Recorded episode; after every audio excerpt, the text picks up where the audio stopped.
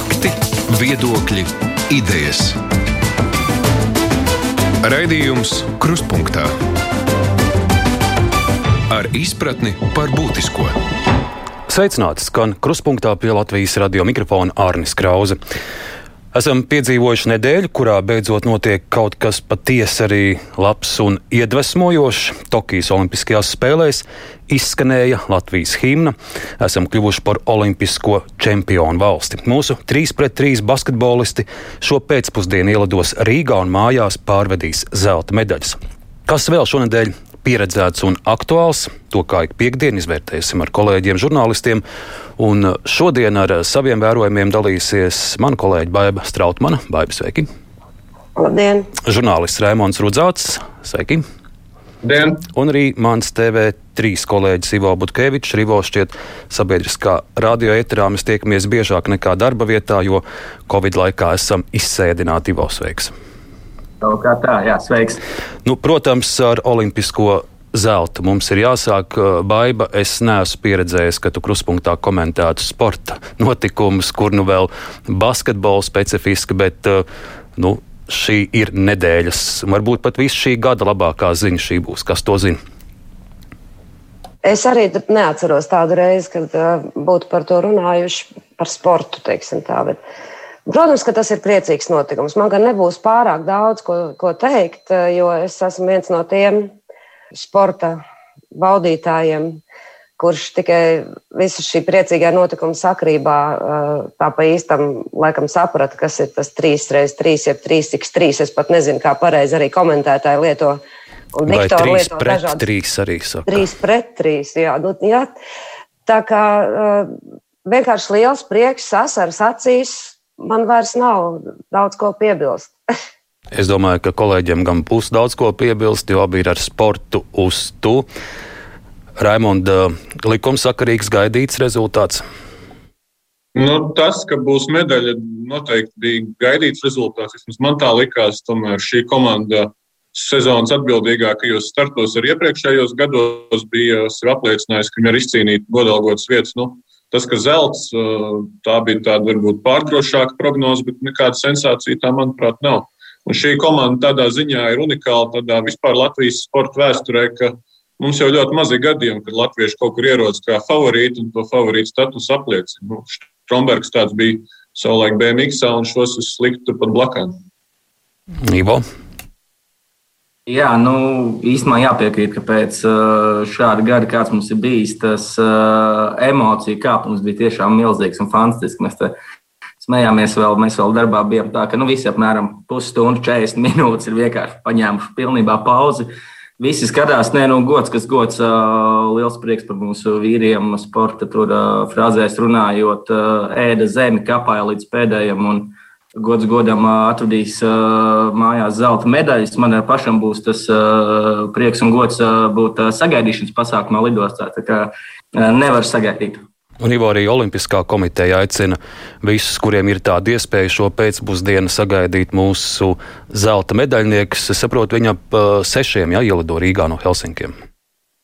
Sākuma laiks, kad viņi ielidoja, ir 17, 20. Zinām, ka aviācijā varētu gadīties kaut kādas nelielas nobīdes. Ideja 17, 20 viņi ielido.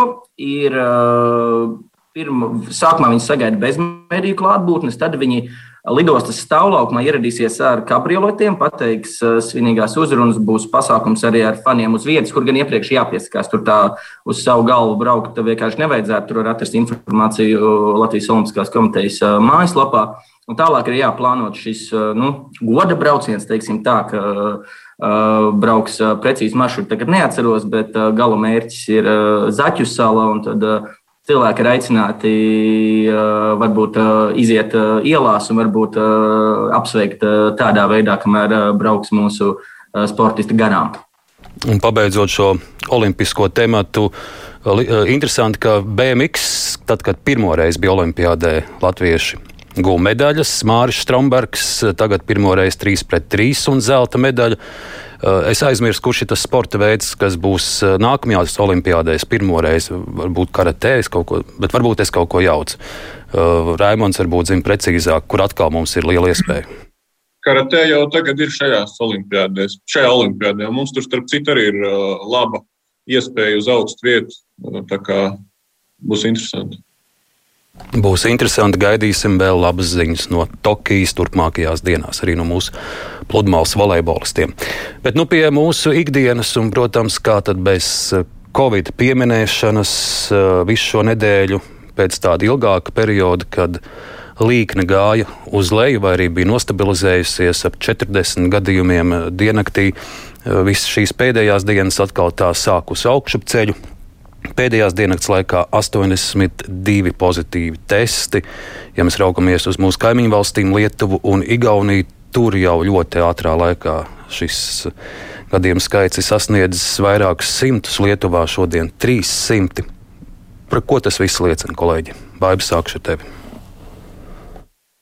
Nu, tas liecina, ka prognozes piepildās un, kā acīm redzot, nekādi brīnumi nenotiks, ka mēs neesam mazā Baltijas kosmiskā saliņa, kur, uz kur neatiec visas pārējās pasaules likumi. Un ka tā delta nāk, un ka nebūs labi. Jautājums ir, cik slikti būs. Man personīgi visvairāk tiešām uztrauc skolas un slimnīcas, kas būs, kas būs rudenī. Nu, ko tur daudz var teikt? Nu, nu, mūs, mēs esam tikuši, tapuši brīdināti nu, mēnešiem, ka mīļie cilvēki, vakcinējieties, sargājiet sevi, skolotāji, sargājiet paši sevi seniori, sargājiet paši sevi. Delta ir briesmīgāka par iepriekšējiem variantiem. Nu, nu, diemžēl tā arī ir, lai ko gribētos domāt cilvēkiem, kas virpuļo ūdeni vai kaut ko citu dara. Bet, bet nu, tā problēma ir. Tu paskaties citu valstu televīzijas un, un, un saproti, ka tā problēma ir. Es teiksim, man nav iznācis papētīt, mēs sekojam tiem Eiropas radītājiem pa, pa, pa Eiropas valstīm no nedēļas griezumā. Ļoti interesanti, Polija stāv uz vietas pie trīs ap pus tiem uh, punktiem, tiem, no tā divu nedēļu kumulatīvais rādītājs jau, jau ilgāku laiku un nekur nav izkustēsies. Jautājums, ko poļi dara citādāk nekā mēs, jo viņiem ar to vakcināciju tik spoži tur nemaz neiet. Kā, vai viņi kaut kā vairāk pieskata tos, kas pie viņiem iebrauc, vai vairāk kontrolē robežas. Es nezinu, tas būtu tas būt man personīgi interesanti, ja kāds to papētītu. Bet, jebkurā gadījumā, Polijā ir vakcinējušies vairāk nekā Latvijā. Ivo? Jā, es gribēju atzīmēt, ka te ir tāds viena ļoti liela atšķirība, kas būs šajā rudenī un kas nebija tajā vilnī, kas sākās rudenī pirms gada un noslēdzās pavasarī. Šis būs uh, visticamāk sagaidāms vēl viens uzliesmojums, bet šis būs pirmais, kurā tie, kur ir gribējuši sapotēties, tie ir sapotējušies. Un tad jau tālāk mums, politiķiem un um, krīzes pārvarēšanas vadības komandai, būs ļoti fundamentāls izšķiršanās, ko mēs īsti darām. Jo, piemēram, viens risinājums ir skaidrs, ka mēģināt būt atsākt mācības klātienē pieņemot, ka tiešām līkni uzkāpj ļoti augstu, ko mēs darām. Jo vienā brīdī, vai mēs liekam vēl vienu attālināto gadu, un pēc būtības jau vienā līmenī ejam uz to, ka mēs upurējam veselas paudzes izglītību, tāpēc, ka pieaugušie negrib vakcinēties, nu, tur būs ļoti fundamentāls izšķiršanās par to, ko mēs darām, jo cerēt uz to, ka mēs sasniegsim vakcinācijas aptveri, kas būtu definējama kā pūļu imunitāte, kur jau tagad ir kļuvusi augstāka vismaz ekspertu ieskatā nekā bija tie sākotnēji 70%, kas varbūt ir lēsti. Nu, tur būs ļoti sarežģīts izšķiršanās, cik brīvi mēs visu turām un kā mēs vienlaikus nepārslogojam slimnīcas. Man šķiet, ka gaidīt uz kaut kādiem brīnumiem attiecībā uz potēšanos tagad jau ir lieki, un tad eh, vienīgais izšķirošais faktors paliek slimnīcu noslodze. Jo nu, Citādi mēs varam, nezinu, vēl 40 gadus gaidīt, kamēr mēs sasniegsim kaut kādu mistisku procentu ar vakcinēto, kad mēs varēsim noscīt normāli dzīvot atkal. Baiba pirms brīža teica, ka var būt ļoti slikti. No veselības ministrs Pauļuts šodien saka, ka jau pēc pāris nedēļām šis var būt ļoti slikti var iestāties. Raimonds? Nu jā, nu mēs varbūt neviens neesam tik kompetenti medicīnā, lai, lai atbildētu, kāpēc paliek sliktāk. Un, un tā, es domāju, tas, ko kolēģis arī pieskārās, tā atbilde ir uh, pa ierobežojumiem, kādi būs ierobežojumi tiem, kas būs vakcinējušies, kādi tiem, kas nebūs, un kā attiecīgi sabiedrība reaģēs nu, uz tādu vai citādu virzienu, ko, ko uh, lēmēji var uh, pametīs tās virzienā. Bet tas ir skaidrs, ka domājot arī par rudeni, Nu, tomēr vajadzētu mums kaut kā domāt, kā mēs sadzīvosim ar to vīrusu un ne tik daudz nobarikādēsimies cits no cita, jo gada no gada arī sevišķi par izglītības jautājumu, nu, nu, tas jautājums paliks tikai sāpīgāks. Un, uh, ir sevišķi, kas skar uh, tādas sociāli mazāk aizsargātas uh, bērnus, jauniešus un, un tās ģimenes, tad viņiem šī mājmācība nu, bija sliktākais, kas varēja ar viņiem notikt šajā mazajā vecumā. Tāpēc es būtu ļoti, ļoti, ļoti gribētu aicināt par to, ka nu, nu, mazajās klasēs pavisam noteikti, un, un nu, varbūt vispār līdz vidusskolai mācības klātienē. Lai nebūtu ļoti, ļoti slikti, protams, viens no atslēgas vārdiem ir vakcinācija. Eiropas Savienība šonadēļ ir sasniegusi 70% vakcinēto vidēji Eiropas Savienības dalību valstīs. Tikmēr, protams, ja raugamies, kur ir šajā statistikā atrodas Latvija, tad mēs esam pašā lejas galā. Šķiet, zem mums ir tikai Bulgārija vēl, bet, ja raugamies, kā iet mūsu kaimiņiem, Baltijas valstīs, tad lūk, dati līdz vakardienai Lietuva šonadēļ ir pārsniegusi 50% atzīmi. Vismaz viena deva ir saņēmuši 50,1%, pilnībā vakcinēti 44% Lietuvas iedzīvotāji. Igaunija tuvu 50% vienu devu saņēmuši 47, pilnībā vakcinēti 42. Tikmēr Latvijā pilnībā vakcinēti vien 35% līdz vakardienai. Vismaz viena deva ir 40%. Arī šī atzīme šonadēļ ir pārsniegta vismaz šie 40 simboliskie procenti. Par ko tas viss liecina, Baiba? Šī ļoti, ļoti gausa aktivitāte, jo Nu, šobrīd eh, bija, bija dienas, kad 16,000 dienā potēja, tagad eh, nu, jau ilgu laiku ap, aptuveni 4,500 dienā. Tas ir krietni mazāk nekā tika prognozēts un gaidīts. Nu, nu par ko tas liecina? Nu, tas liecina tikai par eh, to, ka ir dažādi faktori, kas uh, mūs ļoti ietekmē. Nu, pirmkārt, jau daudzkārt pieminētās informatīvās telpas visi tie burbuļi. Es jau personīgi izvairos vispār iet tūmā visādām brīvvalsts televīzijām un tam līdzīgām lietām, lai vienkārši, lai, lai, lai nesāk man mati celties stāvs no tām šausmām visām un tiem murgiem, kas tur, kas tur tiek atskaņot, bet acīm redzot, ir gana daudz cilvēku, kas tam visam labprāt tic. Otrakārt, protams, bija labs laiks, un, un, un, un bija zems, zems tas saslimstības rādītāji, bija zemi. Un, un atslāba viena daļa cilvēku.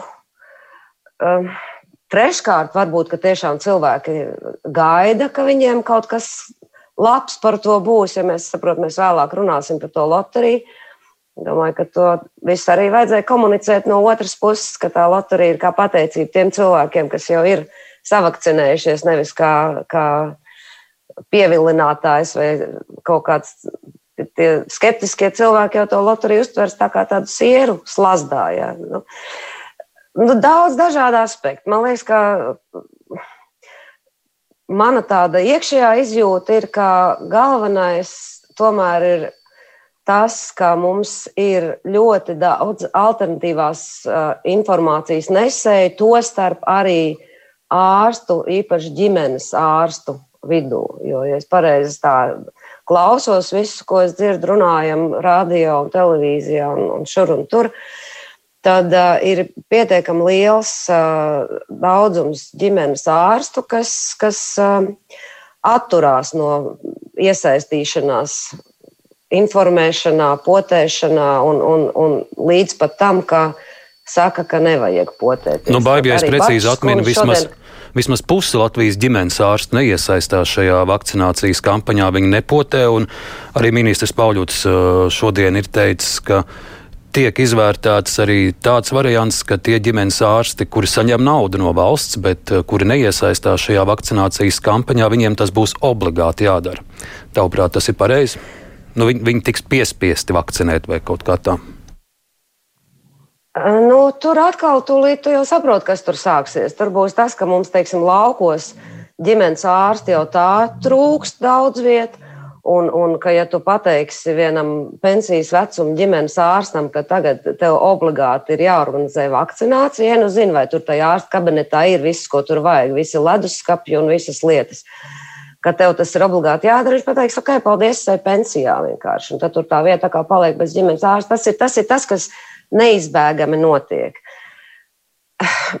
Kaut kāds mehānisms droši vien ir ir jādomā, bet eh, vai tik eh, teiksim, radikāls, ka tagad atņems naudu vispār ģimenes ārstam par visu pacientu ārstēšanu. Es tiešām nezinu. Barčs kundze šodien pensionāra federācijas vadītāja kaut kur bija izteikusies, ka, ka, ka viņa, viņu izbrīna tas, ka, ka daudz viet ģimenes ārsti nav apzvanījuši, piemēram, savus uh, pensijas vecuma pacientus, jo Barčs kundze uztraucas par, par, par senioru vecuma grupas cilvēkiem. Un, un ka viņi pat nav, tie ārsti pat nav informējuši, pat nav devuši ziņu. Es domāju, ka man nav padoma, kā panākt, lai, lai, lai ārsti darītu to, kas viņiem it kā būtu jādara. Tas būtu jādomā gudrākiem cilvēkiem, bet, bet nu, tā ir liela problēma. Jo cilvēki tomēr saviem ārstiem tic. Un arī visādi Rīgas ārstes es dzirdēju stāstus, kas tas tur saka, nē, tev nevajag, tev ir tāda slimība, tev ir šī tāda slimība, tu labāk nepotējies. Un tad cilvēks staigā apkārt kungstādams, ka viņš reiz nevar uz teātri aiziet. Tagad, ja, nu. Nu, tad, dīvaini, dīvaini, man neizprotami reizēm tāda neadekvāta rīcība cilvēkos. Turpinot par šo e-pastā, mums Edgars raksta, esmu ikdienas Facebook lietotājs. Un jūs pat iedomāties nevarat, cik daudz Latvijā ir vakcīnu pretinieku un cik tie ir aktīvi. Diemžēl tam murgu daudzumam nekas netiek likts pretī. Ivo? Oh, nu, iedomāties gan jau varam. Paši jau esam skatījušies, un arī es pats sekoju uh, vairākām no, nu, no, nosauksim to par šīm grupām sociālajos tīklos, nu, lai saprastu, par ko cilvēki tur runā un kas ir tās lietas, kas tur tiek cilātas. Man šķiet, ka liela problēma, kur Baiba vēl nepieskārās attiecībā uz potēšanu Latvijā, ir nu, liela uzticības krīze pašreizējai valdībai. Es tagad neesmu pasties kaut kādus jaunākos, bet atceros, pirms kaut kāda pusgada mēs runājām laikam par zemāko reitingu, kāds tā ir.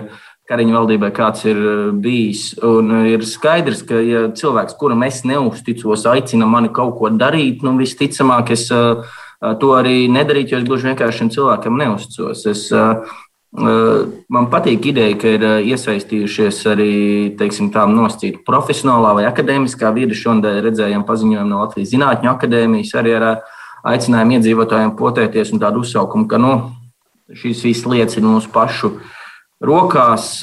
Varbūt tas ir virziens, kurā tiešām jāraugās vēl vairāk. Es saprotu, ka pasākumi šie notiek un skaidro eksperti un skaidro mums tiešām kompetenti cilvēki šajās jomās, bet nu, dažkārt jā, ir lietas, kurām vienkārši atbild bieži vien ir es nezinu, un tā visticamāk arī šajā situācijā mēs esam. Vai jūs domājat, ka tie, šī skaidrošana ir par maz? Nu, es pats šonadēļ akurāt Facebookā piedalījos vienā diskusijā, vienā sarunā, kur bija seši eksperti. Un, uh, Un ļaudis varēja iesūtīt jautājumus, un es šos jautājumus ekspertiem uzdevu. Un, uh, un uh, darīju to, kā teikt, sabiedriskā kārtā un bez maksas, lai neviens nepārmet, ka saņemu kādu naudu no valdības un tāpēc kādu uh, neglaimojošu jautājumu neuzdod. Bet nu, it kā jau arī ir šī skaidrošana, ir, ir šeit pat arī sabiedriskā radio, ir iknedēļu raidījumi, ir uh, ik vakaru ziņās skaidrojumi. Kas vēl nepietiek, Raimonda? Man šķiet, es pievienošos kolēģiem par to, ka ir šī neusticības krīze. Pirmkārt, viņi ir valdībai, otrkārt, mums, žurnālistiem, mēdījiem. Un treškārt, man liekas, ka visi šie zemie vakcinēšanās rādītāji kaut kādā mērā ir arī protesta reakcija gan uz tiem ierobežojumiem, kas ir bijuši, gan uz šo neusticēšanās krīzi. Nu, tāds, tāds diezgan radikāls veids, kā ja viņi saka tā, nu, tad mēs automātiski atkal darām pretī.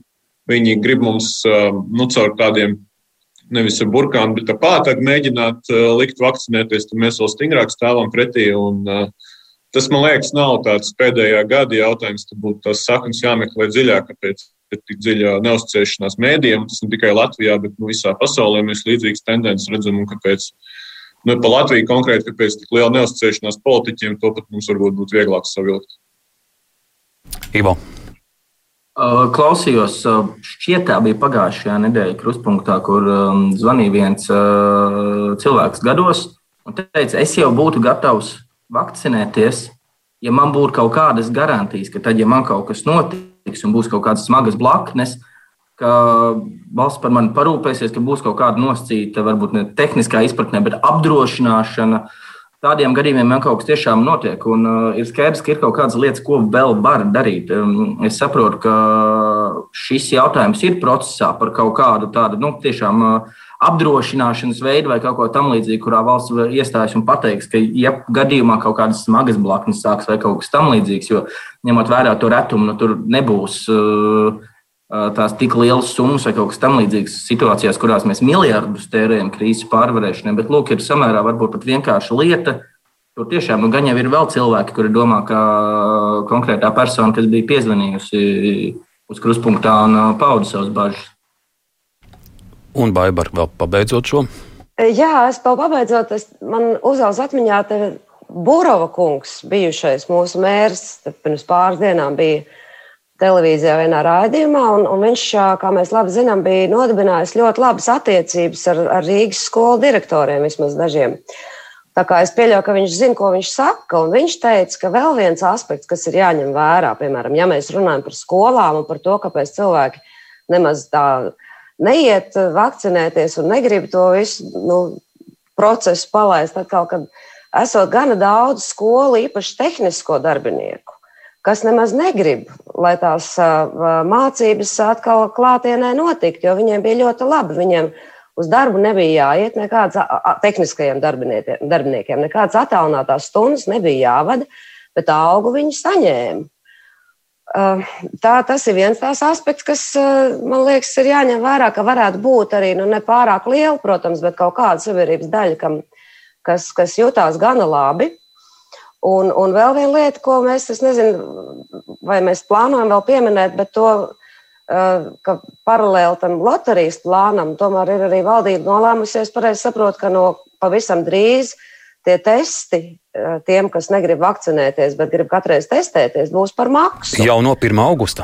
Jā, un, un es domāju, ka tas ir arī pareizs solis, jo ņemot vērā to, cik teiksim, mūsu tā, sabiedrība tomēr ir arī tāda tendēta uz tādu materiālo jautājumu pusi, tad, tad tas varētu būt vēl viens eh, nu, stimuls tomēr saprast, ka, ka tas viss uh, maksā, teiksim, tā principiālā vai, vai vai filozofiskā vai reliģiskā nostāja attiecībā pret potēšanos. Un, ja reiz tu piemini skolas, viens stāsts, kur arī šeit Latvijas rādio es uh, pirms kādām pāris dienām varbūt dzirdēju, kur bija uh, reportāža no Daugopils, kur, protams, tā vakcinēšanās arī ir samērā gausa, bet Daugopilī ir viena vidusskola vai ģimnāzija tā bija, kur ir vakcinējušies 80% pedagoģu.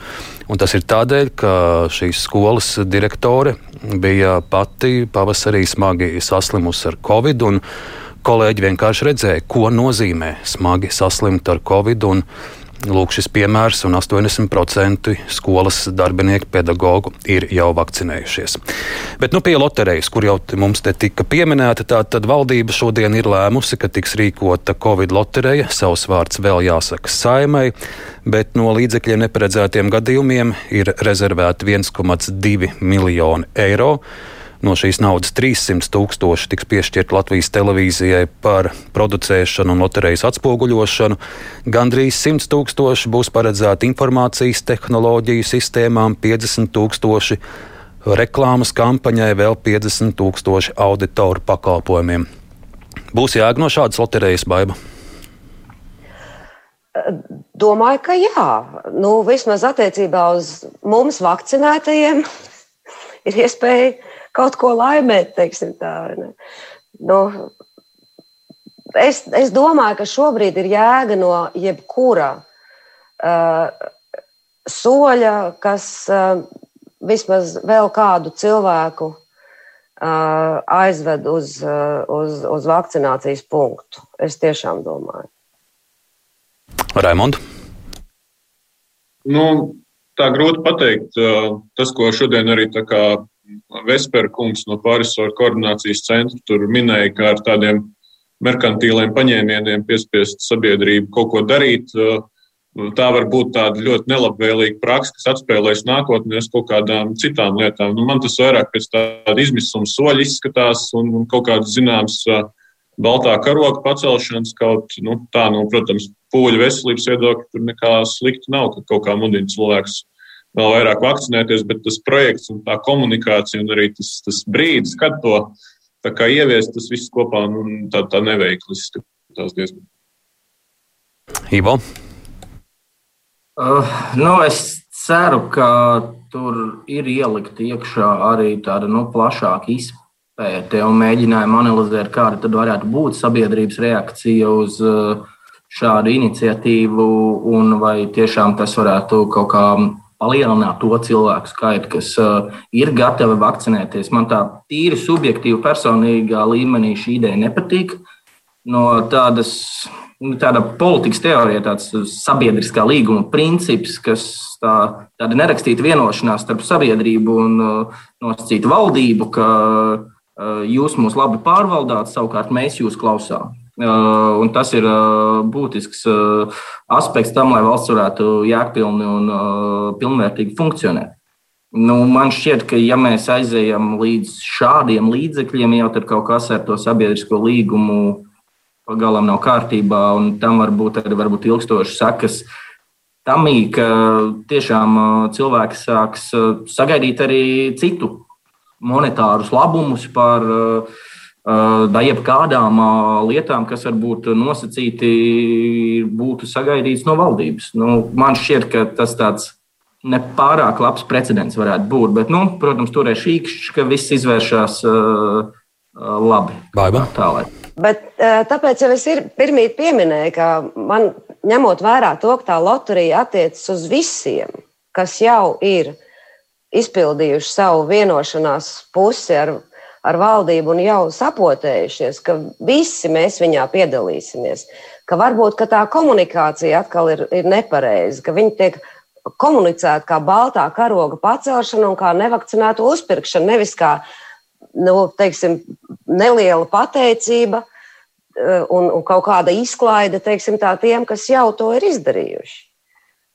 Jā, bet tad mēs aiziesim līdz tam arī, ka pēc encefalīta cilvēks sāks gribēt arī pateicības saņemt pocēm. Un, un tas precedents. Nu, bet, bet encefalīts nelīp citiem cilvēkiem. Nu.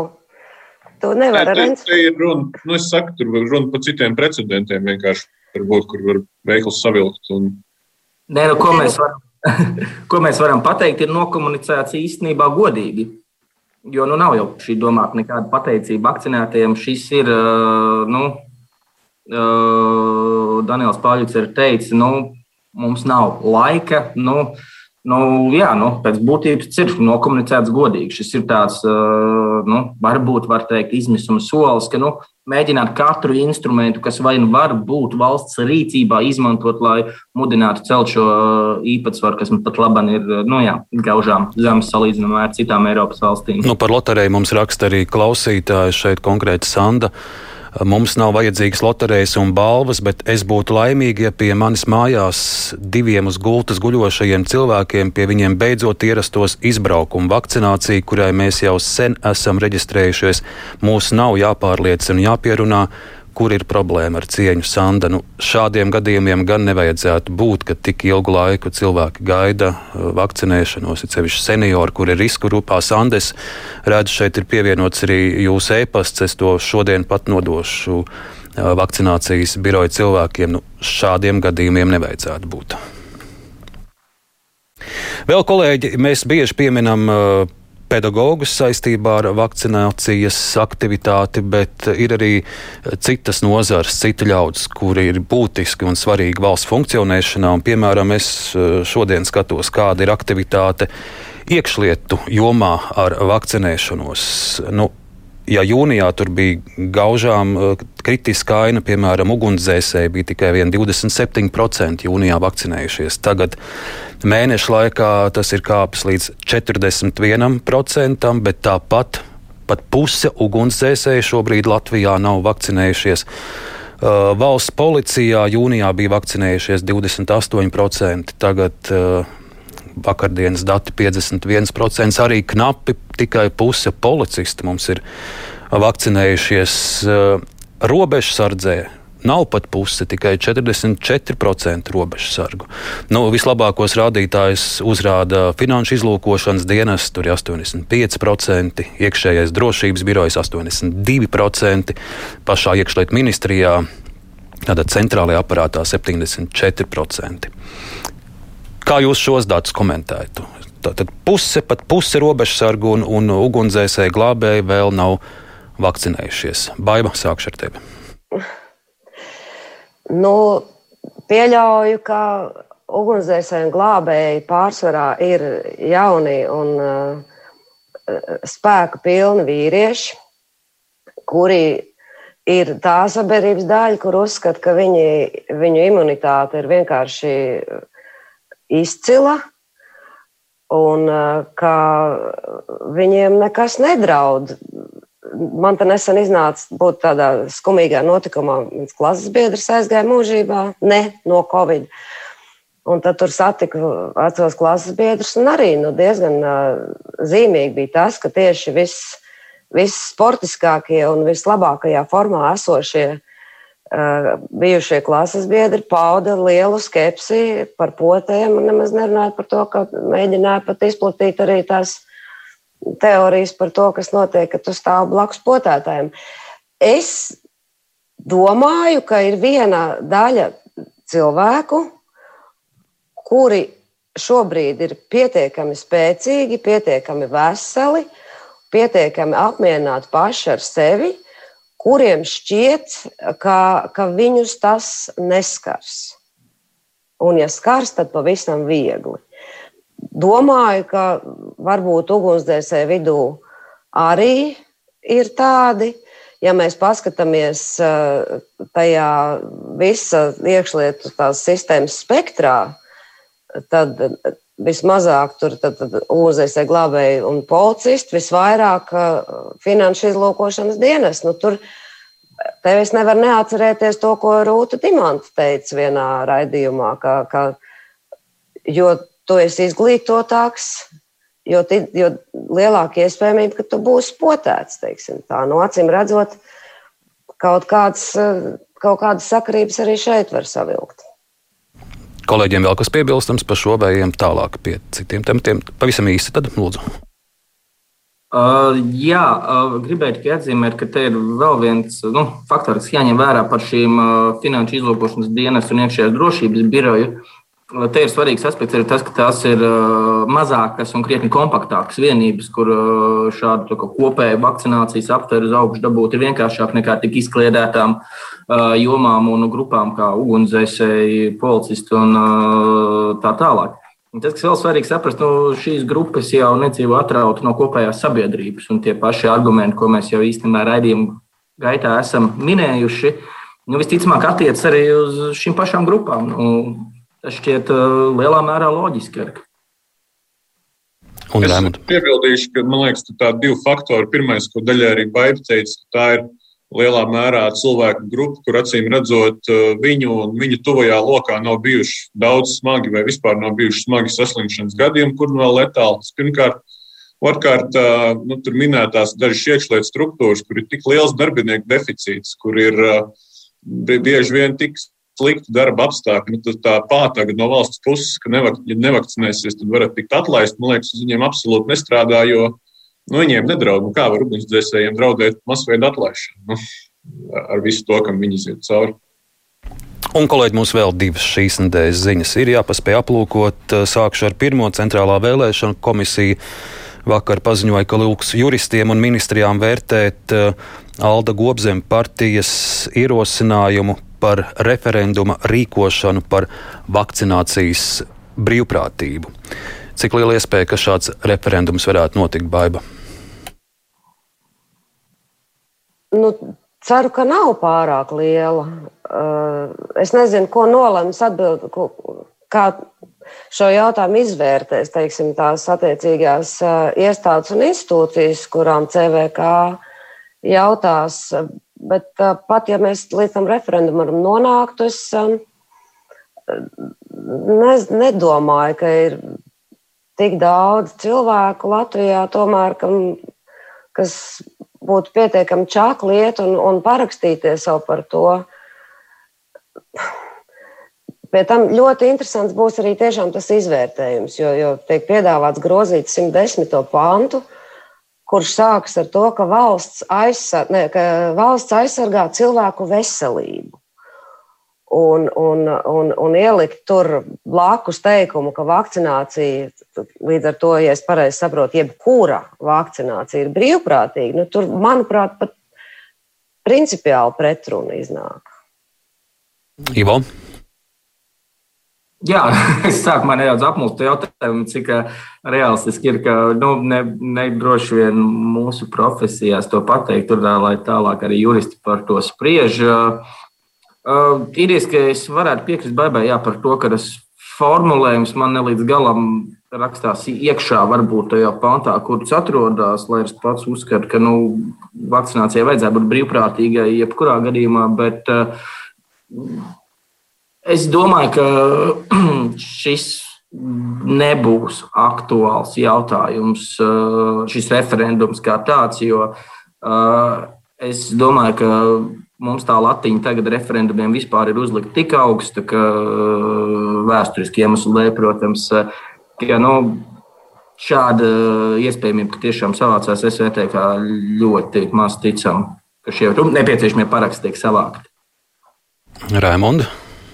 Jā, es piekritīšu par to iespējamību. Man liekas, arī, ka nu, nu gobzem elektorāts jau tā ir tāds, kas ir vairāk laiks piedējis sociālajos tīklos nekā tie, kas tur iet parakstīties. Bet pat ideja um, vākt parakstus un, un rīkot referendumu, tas jau demokrātijā nav nekas slikts un par tik lielu un nozīmīgu jautājumu ir sevišķi un arī piekrīt Ivo.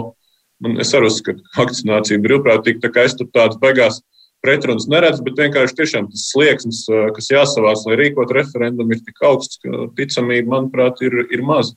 Nu, un tad mums vēl viens demokrātijas piemērs. Šonadēļ Centrālā vēlēšana komisija uh, ir uh, reģistrējusi parakstu vākšanai satversmes 110. panta grozījumu projektu, ar kuru valsts pamatlikumā paredzēts definēt ģimenes jēdzienu. Uh, Tātad Latvijas vīru biedrība šo priekšlikumu ierosinājusi, ir sākta arī parakstu vākšana. Es pirms raidījuma skatījos portālā Latvijā LV, bija 2300 parakstu, šai brīdī ir 2800 parakstu. Nu, aptuveni tāda ir tā dinamika par šo parakstu vākšanu, ko jūs prognozējat. Arī lūk šīs baiba. Nu, mēs atceramies uh, tā dinamiku, ja tu runā par dinamiku, tad uh, arī uz, uz šīs uh, saimnes atlaišanas sākuma tur tā dinamika bija diezgan strauja.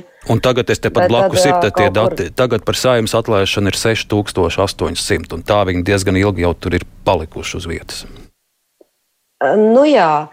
Tā kā to dinamiku mēs, protams, vēl redzēsim, ir, ir tā aktīvā grupa, kam ir šis jautājums liekas ārkārtīgi svarīgs, un, un tie noteikti arī parakstīsies, un kurā brīdī tas apstāsies, tad mēs arī redzēsim, cik daudz cilvēkiem tiešām šķiet, ka kaut kas tāds ir jādara. Jo es izlasīju arī to ierosinājumu, labi, tur vīrietis, sieviete, viss un tas, bet, bet tas teikums, kas tur parādās, ka valsts aizsargā vecāku tiesības un viņu brīvību nodrošināt bērniem audzināšanu saskaņā ar savu reliģisko un filozofisko pārliecību.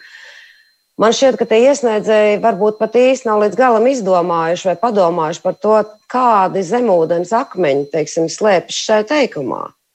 Ja mēs, ja viņi paši, tie, kas šo rosina, runā par to, ka mums te nāk iekšā no visām pusēm visādas šausmas un briesmas, tad mēs paši gribam ierakstīt satversmē, uh, savā pamatlikumā vecāku tiesības audzināt bērnu saskaņā un valsts pienākumu atbalstīt šīs vecāku tiesības saskaņā ar reliģisko un filozofisko pārliecību, nu,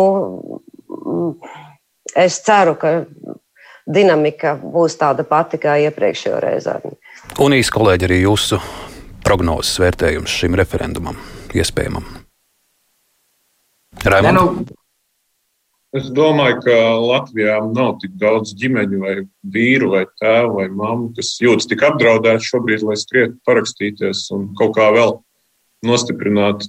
Man liekas, es vienkārši neredzu to apdraudējumu cilvēkus. Nav jau nekur jāskrien mūsu laikos, to visu var izdarīt, eh, sēžot Jā, pie datora. Neveiksmīgi noformulēju, bet es saku, es neredzu tieši tur apdraudēto grupu tādu lielu, lai, lai, lai tas iziet cauri. Un Ivo vēl pavisam īsi lūdzu.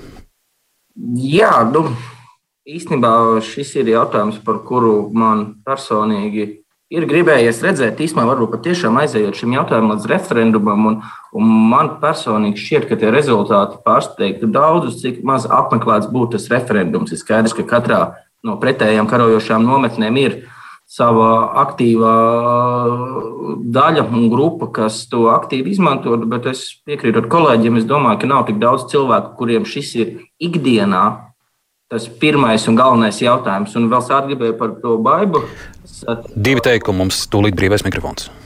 Man ir arī nelaudz bažas, vai tur neslēpjas kaut kāda zemūdens akmeņa, kas potenciāli var rasties. Atceramies, uh, piemēram, šo svētas maizes gadījumu ar šīm uh, maidzemdībām citām. Man, man ir bažas, kā, var, kā tas var tikt interpretēts beigās, bet uh, nu, redzēsim. Labi, vēl neaizkavēsimies, jo tev arī jādodas olimpiešu sagaidīt. Mums savukārt brīvais mikrofons. Lielas paldies kolēģiem Baibē Strautumanai, Raimondam Rudzātam un Ivo Butkevičam.